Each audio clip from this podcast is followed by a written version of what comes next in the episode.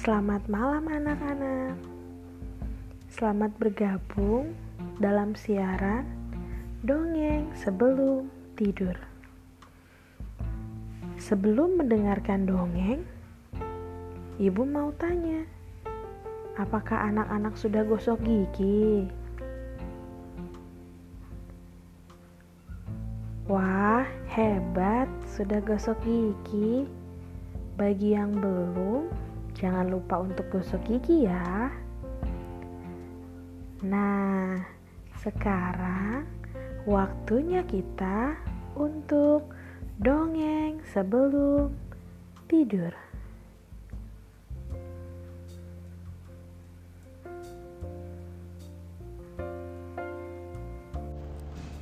Kali ini Ibu Uni akan bercerita dari buku 18 cerita anak pembangun karakter yang dipinjam dari Elip BPK Penabur dengan judul Bola-bola kertas karya Haziah Ans.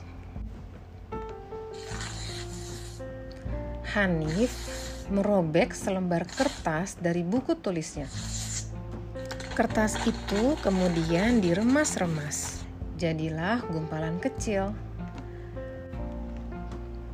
Hanif kembali merobek selembar kertas. Gumpalan kertas pertama diletakkan di atas robekan kertas barunya. Hanif kembali menggumpal kertasnya. Jadilah gumpalan yang lebih besar. Hanif terus merobek kertas, lalu digumpal hingga menjadi bola kertas sebesar bola kasti. Buk! Aduh! Jerit Rangga. Hanif melempar bola kertasnya ke pundak Rangga. Sakit tidak enggak? Tanya Hanif. Tidak, kaget saja. Jawab Rangga. Maaf deh, ucap Hanif. Lain kali bilang dulu kalau mau coba mainan baru. Sahut Rangga. Oke bos, maaf ya. Pinta Hanif sambil tersenyum. Rangga mengangguk setuju. Main lempar bola kertas yuk. Ajak Hanif kepada Rangga dan Rafli.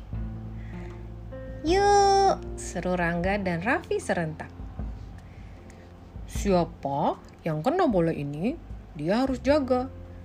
Yang lain, ayo menghindar. Seru Hanif. Rangga dan Rafli berlari menjauhi Hanif. Shoot! Hanif melempar bola kertasnya. Tidak kena, tidak kena. Sorak Rangga dan Rafli girang.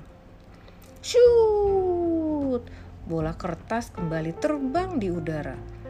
Bola itu mendarat di kubangan air. Yo, bolanya basah, kata Rafli. Tenang, kita buat lagi yang baru yuk, ajak Hanif. Ayo, ayo, sorak Hanif dan Rangga. Hanif dan Rafli mulai menggumpal-gumpal kertas, tapi Tiba-tiba datang Mikael. Hai, kawan, main bola plastik saja yuk. Ajak Mikael. Hanif dan Rangga saling pandang. Bola kertas terlalu boros, ucap Mikael lagi. Mikael lalu duduk di samping. Keningnya berkerut. Wajahnya serius sekali. Kalian tahu tidak, Kertas itu terbuat dari apa?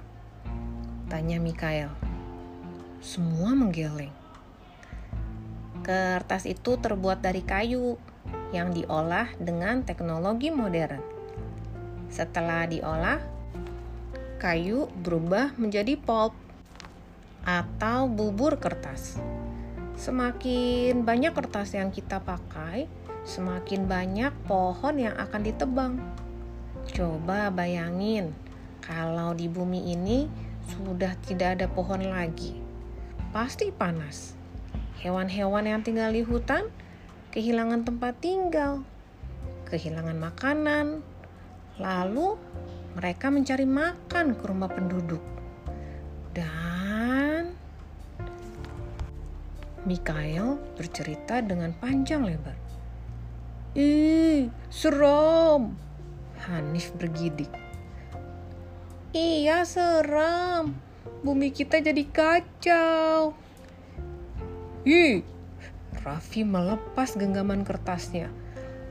Rangga, Raffi, dan Hanif berjanji tidak akan membuang kertas lagi. Makanya pakai bola plastik saja. Bola plastik tidak sakit kena badan. Dan kalau basah atau kotor mudah dibersihkan dan masih bisa dipakai lagi, kata Mikael. Coba nih, Puk! Bola plastik mengenai Hanif. Hehehe, iya, empuk, kata Hanif sambil tertawa. Ayo lari dan menghindar, seru Hanif.